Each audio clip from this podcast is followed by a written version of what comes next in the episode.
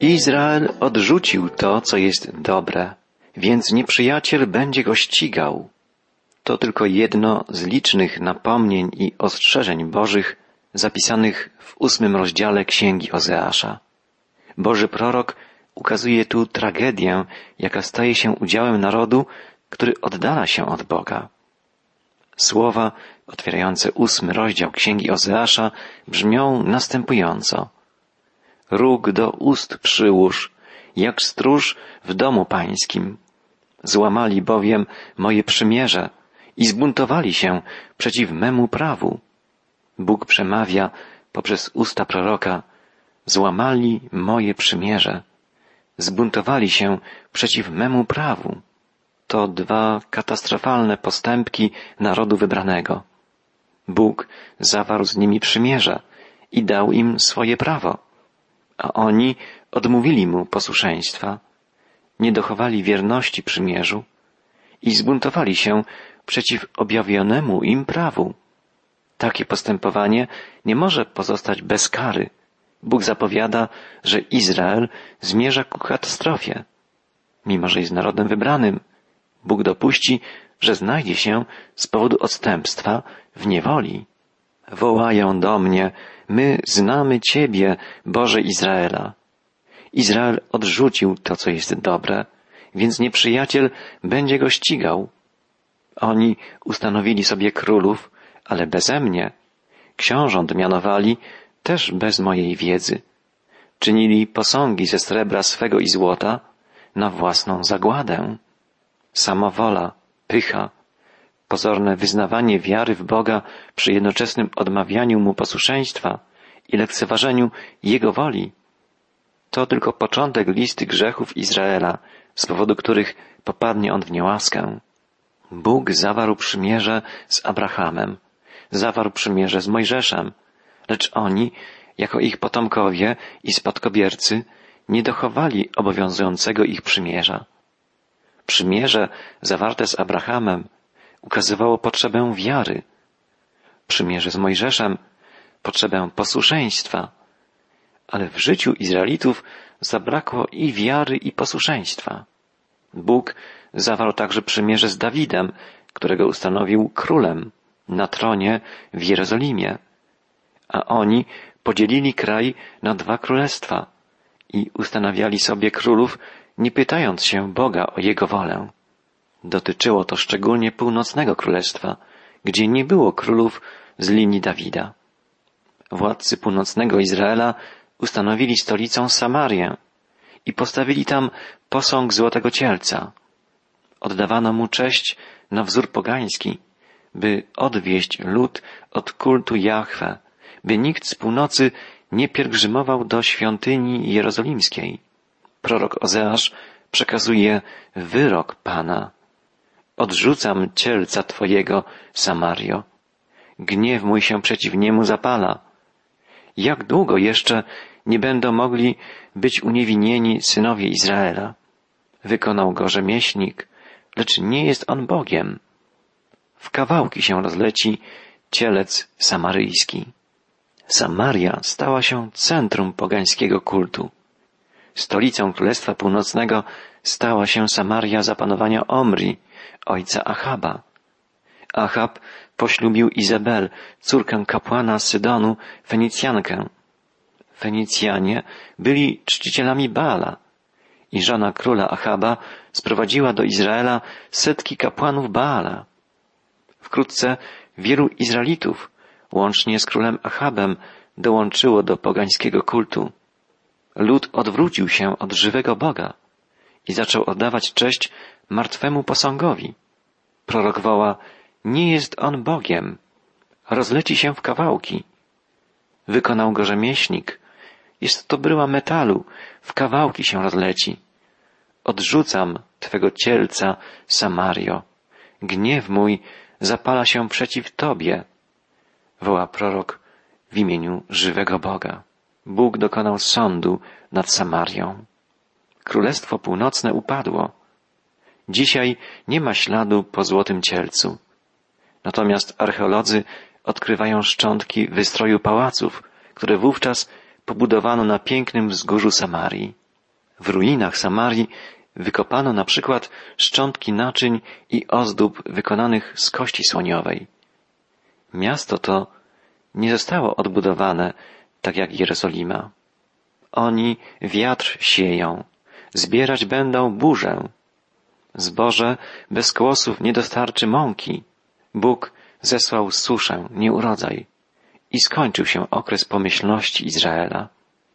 Słowa proroka mają jeszcze szersze znaczenie.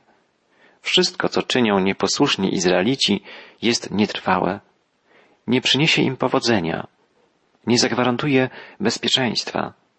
Sieją wiatr, zbierać będą burzę. Ta zapowiedź dotyczy wszystkich dziedzin życia Izraela. Jest też zapowiedzią inwazji wrogich wojsk, które zdewastują pola i zburzą miasta północnego królestwa. Boży prorok woła, Izrael został pochłonięty. Teraz on wśród narodów jest jak sprzęt bez wartości. Ta prorocza wizja spełniła się w krótkiej perspektywie, gdy Izrael znalazł się w niewoli asyryjskiej. W dalszej perspektywie historycznej proroctwo to wypełnia się po dzień dzisiejszy. Izraelici rozproszeni są po całym świecie, pośród narodów.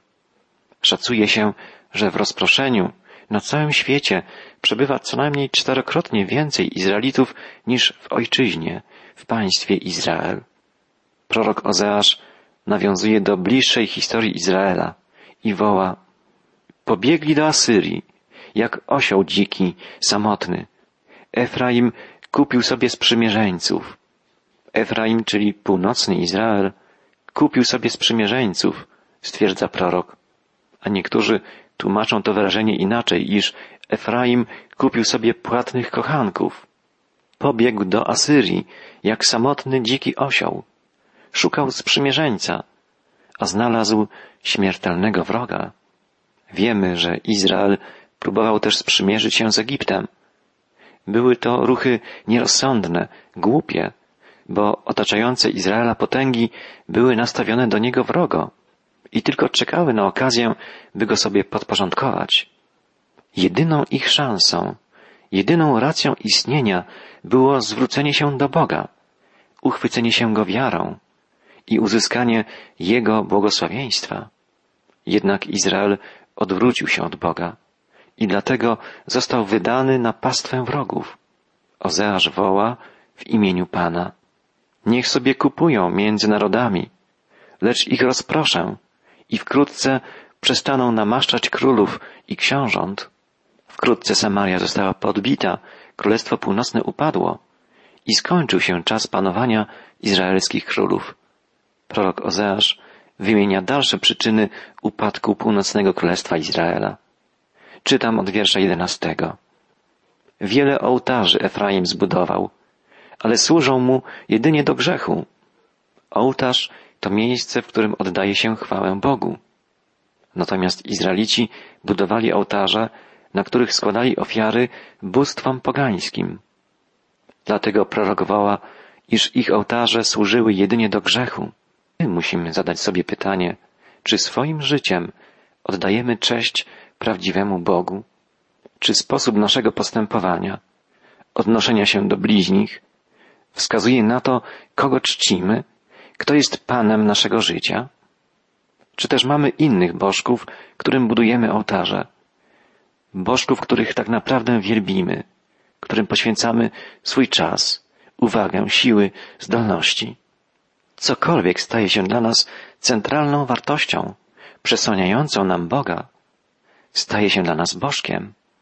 Jedynie wtedy, gdy Bóg naprawdę znajduje się w centrum naszego życia, możemy mówić o sobie, że jesteśmy Jego czcicielami, Jego wyznawcami, Jego uczniami i sługami. Posłuchajmy dalszych słów proroka, który woła w imieniu Pana. Wypisałem im moje liczne prawa, lecz je przyjęli jako coś obcego. Bóg przekazał Mojżeszowi swoje prawo i Izraelici powinni je sobie przyswoić, powinni je dobrze znać i zgodnie z nim postępować. Bóg ocenia, że tak się nie stało, że Jego prawo, Jego przykazania, napomnienia, obietnice były dla Jego ludu tak naprawdę czymś obcym. Drogi przyjacielu, a jak jest z nami? Czy my, jako lud Nowego Przymierza, zrozumieliśmy i przyjęliśmy Boże poselstwo, Boże Słowo? Czy przyswoiliśmy sobie Boże prawdy? Czy żyjemy zgodnie z nimi? Niestety trzeba powiedzieć, że w kraju nominalnie chrześcijańskim, takim jak nasz, nie ma poznania Bożego Słowa. Nawet ludzie, którzy deklarują się jako wierzący, nie znają treści Pisma Świętego, albo znają je powierzchownie, wybiórczo. Tymczasem podstawowym zadaniem Kościoła Jezusa Chrystusa jest żyć Bożym Słowem i przekazywać to Słowo innym, dzieciom, krewnym, sąsiadom, przyjaciołom. Ale żeby to czynić, trzeba samemu znać Boże Słowo. Trzeba je kochać i pragnąć dzielić się nim z bliźnimi. Nie zmienimy świata, jeśli sami będziemy ignorantami, nieznającymi Bożego Słowa, które ma moc przemieniającą, moc zbawiającą. Los ludu pierwszego przymierza jest dla nas wielką przestrogą. Bóg mówi, wypisałem im moje liczne prawa, lecz przyjęli je jako coś obcego. Lubią ofiary krwawe i chętnie je składają. Lubią też mięso, które wówczas jedzą. Lecz Pan nie ma w tym upodobania. Wspominam wtedy na ich przewinienia i karzę ich za grzechy. Niech wrócą znów do Egiptu. Ludzie, o których mowa, brali czynny udział w religijnych obrzędach, ale powody, dla których w nich uczestniczyli, były niewłaściwe. Składanie ofiar było dla nich po prostu okazją do biesiadowania. Prorok Ozeasz mówi wprost, chętnie składają ofiary, bo lubią mięso, które wówczas jedzą. Motywacje tych ludzi były bardzo przyziemne. Przecież ofiary składane Bogu w ofierze miały wyrażać żal za popełnione grzechy. Tymczasem ludzie ci polubili składanie ofiar z powodu ubocznych przyjemności biesiadowania przy stole zastawionym półmiskami z mięsem zwierząt ofiarnych. Niestety podobnie dzieje się dzisiaj. Ludzie lubią religijne obrzędy z zupełnie niewłaściwych, drugorzędnych powodów. Na przykład dlatego, że jest to okazja do spotkania się z miłymi ludźmi, albo dlatego, że mogą przy okazji poplotkować z sąsiadami czy znajomymi o aktualnych wydarzeniach. Uczestnictwo w obrzędach religijnych jest często powierzchowne, płytkie i często niestety wypływa z niewłaściwych pobudek. Naszą motywacją powinna być chęć przebywania blisko Boga, pragnienie nawiązania z Nim łączności, intymnej więzi, pragnienie wyznania Mu grzechów i prośba o oczyszczenie. Jeśli tak nie jest, jeśli nie takie są nasze motywacje, uczestniczenie w religijnych obrzędach jest czymś fałszywym i czymś Bogu niemiłym. Prorok woła, Pan nie ma w tym upodobania.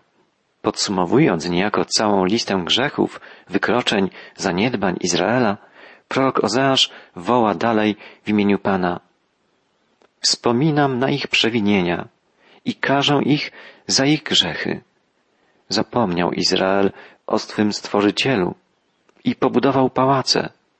Twierdz warownych wiele wzniósł Juda, lecz ześlę ogień na jego miasta i pochłonie wszystkie ich zamki. Przepych budowli królewskich, siła warownych twierdz, wszystko to przeminie, gdy Izrael, a potem Judę spotka Boża kara, kara za odstępstwo, za nieprawość, za grzech. Zapłatą za grzech jest śmierć. I taką będzie zapłata za całe zło dziejące się w Izraelu. Królestwo Północne, Izraelskie, a potem południowe, judzkie, przestaną istnieć. Karą dla ludu izraelskiego będzie wygnanie z ziemi obiecanej. O tym czytamy w następnym, dziewiątym rozdziale Księgi Ozeasza. Nie ciesz się, Izraelu. Nie krzycz z radości, jak inne narody. bo opuściłeś Boga swego, uprawiając nierząd. Umiłowałeś zapłatę nieczystą. Na wszystkich klepiskach zbożowych. Klepiska tłocznie nie dadzą żywności. Moszczu zabraknie. Prorok Ozeasz mówi tu o dwóch sprawach. Po pierwsze, Izraelici cieszyli się z wysokich planów, z dostatku, jaki mieli. Ale zapomnieli, że wszystkie dobra pochodzą od Boga, że to dzięki Jego błogosławieństwu, Jego opiece ziemia izraelska przynosiła obfite plony. Po drugie, radując się z udanych żniw, Izraelici oddawali cześć nie żywemu Bogu, ale Baalowi, pogańskiemu bożkowi. Prorok mówi, uprawiali nierząd na klepiskach zbożowych. To znaczy, dobra ziemskie przypisywali Baalowi i zbiory łączyli z jego kultem i z niemoralnymi obrzędami, łącznie z nierządem kultowym. Dlatego prorok zapowiada, klepiska tłocznie nie dadzą żywności, moszczu zabraknie. Skończą się czasy obfitości, nastanie czas nieurodzaju. Ziemia przestanie rodzić obfite plony, zamieni się w jałową pustynię. Dzisiaj, kiedy patrzymy na pustynne obszary Bliskiego Wschodu, trudno nam uwierzyć, że kiedyś była tam ziemia rodząca wspaniałe owoce, wysokie plony zbóż, ogromne kiście winogron. Bóg dokonał sądu nad Izraelem i ziemia obiecana, kiedyś żyzna i obfitująca, zamieniła się w pustynię. Ten proces odwróci się dopiero wtedy, gdy naród wybrany powróci do ojczyzny, gdy przeżyje głęboką duchową odnowę, gdy Bóg okaże nad nim swe wielkie miłosierdzie. Pomyślmy, jeszcze sto czy dwieście lat temu trudno było w to uwierzyć, ale dzisiaj, gdy istnieje niepodległe państwo Izrael i rozpoczął się powolny proces odzyskiwania ziemi uprawnej, łatwiej nam wyobrazić sobie przyszłe królestwo mesjańskie, które zapowiadali wszyscy prorocy. Na przykład Izajasz wołał w imieniu Pana Rozleję wody po spragnionej glebie i zdroje po wyschniętej ziemi. Przeleję ducha mego na Twoje plemię i błogosławieństwa moje na Twych potomków. Wyrastać będą jak trawa wśród wody, jak topole nad bieżącymi wodami. Pan użyczy deszczu na Twoje zboże, którym obsiejesz rolę, a chleb z urodzajów gleby będzie soczysty i pożywny. Twoja trzoda będzie się pasła w owym czasie na rozległych łąkach. Drogi przyjacielu, błogosławieństwo, obfitość, powodzenie, szczęście może dać nie tylko Izraelowi, ale każdemu narodowi jedynie Bóg, Stwórca i dawca wszelkiego dobra. Bez Jego błogosławieństwa nasze życie będzie przypominało nieurodzajną ziemię. Będziemy czuli się niespełnieni i osamotnieni na pustyni pozbawionego miłości świata. Ale z Bogiem, z Jego błogosławieństwem możemy żyć w poczuciu obfitości i spełnienia, doznając Jego miłości, Jego ochrony i przewodnictwa. Pan Jezus, nasz Zbawiciel, powiedział, Przyszedłem po to, by moje owce miały życie obfitujące i spełnione. On jest wspaniałym pasterzem, który chce nas prowadzić ku szczęśliwej wieczności. Jednak gdy się odwracamy od Pana, gdy odtrącamy Jego miłość i postępujemy samowolnie, wchodzimy na pustynię wyobcowania, osamotnienia. Tak stało się z ludem izraelskim. Bóg zapowiedział, że ziemia obiecana, do której ich wprowadził, przestanie przynosić obfite plony, dlatego, że byli mu nieposłuszni, byli krnąbrni, postępowali samowolnie, bezbożnie, oddawali cześć obcym bogom i popełniali bezprawie, żyli niemoralnie, łamali Boże prawo, odrzucali Boże Słowo. Ziemia, która była ich ojczyzną, stała się im obca, nieprzyjazna. Co więcej, Bóg zapowiedział, iż dopuści, że zostaną wygnani, wypędzeni z ojczyzny i zabrani do niewoli. W trzecim wierszu dziewiątego rozdziału Księgi Ozeasza czytamy Nie będą oni mieszkać dłużej w ziemi pańskiej. Efraim musi wracać do Egiptu. W Asyrii będą jedli pokarmy nieczyste. Efraim, czyli północny Izrael, dostał się do niewoli asyryjskiej. Zostali usunięci z ziemi pańskiej, jak mówił prorok. Ziemia ta jest ziemią pańską, jest własnością Pana. I Izraelici przebywali w niej dzięki temu, że Pan ich tam wprowadził. Mimo, że Bóg obiecał tę ziemię Abrahamowi, Izaakowi, Jakubowi i ich potomkom, z powodu ich nieposłuszeństwa wygnał ich z ziemi obiecanej. Dopiero Jego zmiłowanie, Jego wielka łaska sprawi, iż Izrael powróci do ojczyzny. Prorok zapowiada, że w niewoli asyryjskiej Izraelici będą egzystować podobnie jak w niewoli egipskiej. Nie będą wina wylewać na ofiarę dla Pana, ani też krwawych ofiar Jemu składać. Chleb ich stanie się tak jak chleb żałoby. Kto go spożyje, już nieczysty będzie, bo chleb ich będzie tylko dla nich. Do domu pańskiego nie wejdzie. Będzie to smutna egzystencja, bez świątyni, bez ofiar składanych Bogu, bez Bożego błogosławieństwa. Spożywać będą chleb, ale będzie to chleb żałoby, chleb smutku. Nie będzie błogosławiony przez kapłanów. Nie wejdzie bowiem, zapowiada Boży prorok, do domu pańskiego. Tak jak działo się to w Jerozolimie, gdzie kapłani błogosławili chleby. Cóż uczynicie w dzień święta, w uroczysty dzień pański? Tak, oni muszą wędrować do Asyrii. Egipt ich zbierze, a Memfis pogrzebie. Oset pokryje skarby ich ze srebra, a ich namioty porosną cierniami. Wspomnienie dawnej niewoli stanie się znów rzeczywistością. Tak jak kiedyś w Egipcie, w Memfis, tak teraz w Asyrii ich życie będzie szare, smutne, pozbawione Bożej obecności, Bożego błogosławieństwa. Taka jest konsekwencja nieposłuszeństwa względem Boga. Stajemy się niewolnikami grzechu. Nasze życie zamienia się w smutną, szarą egzystencję. Jakże wspaniałe jest to, że Bóg nie pozostawia nas w takim stanie, ale przychodzi do nas jako Zbawiciel w Jezusie Chrystusie.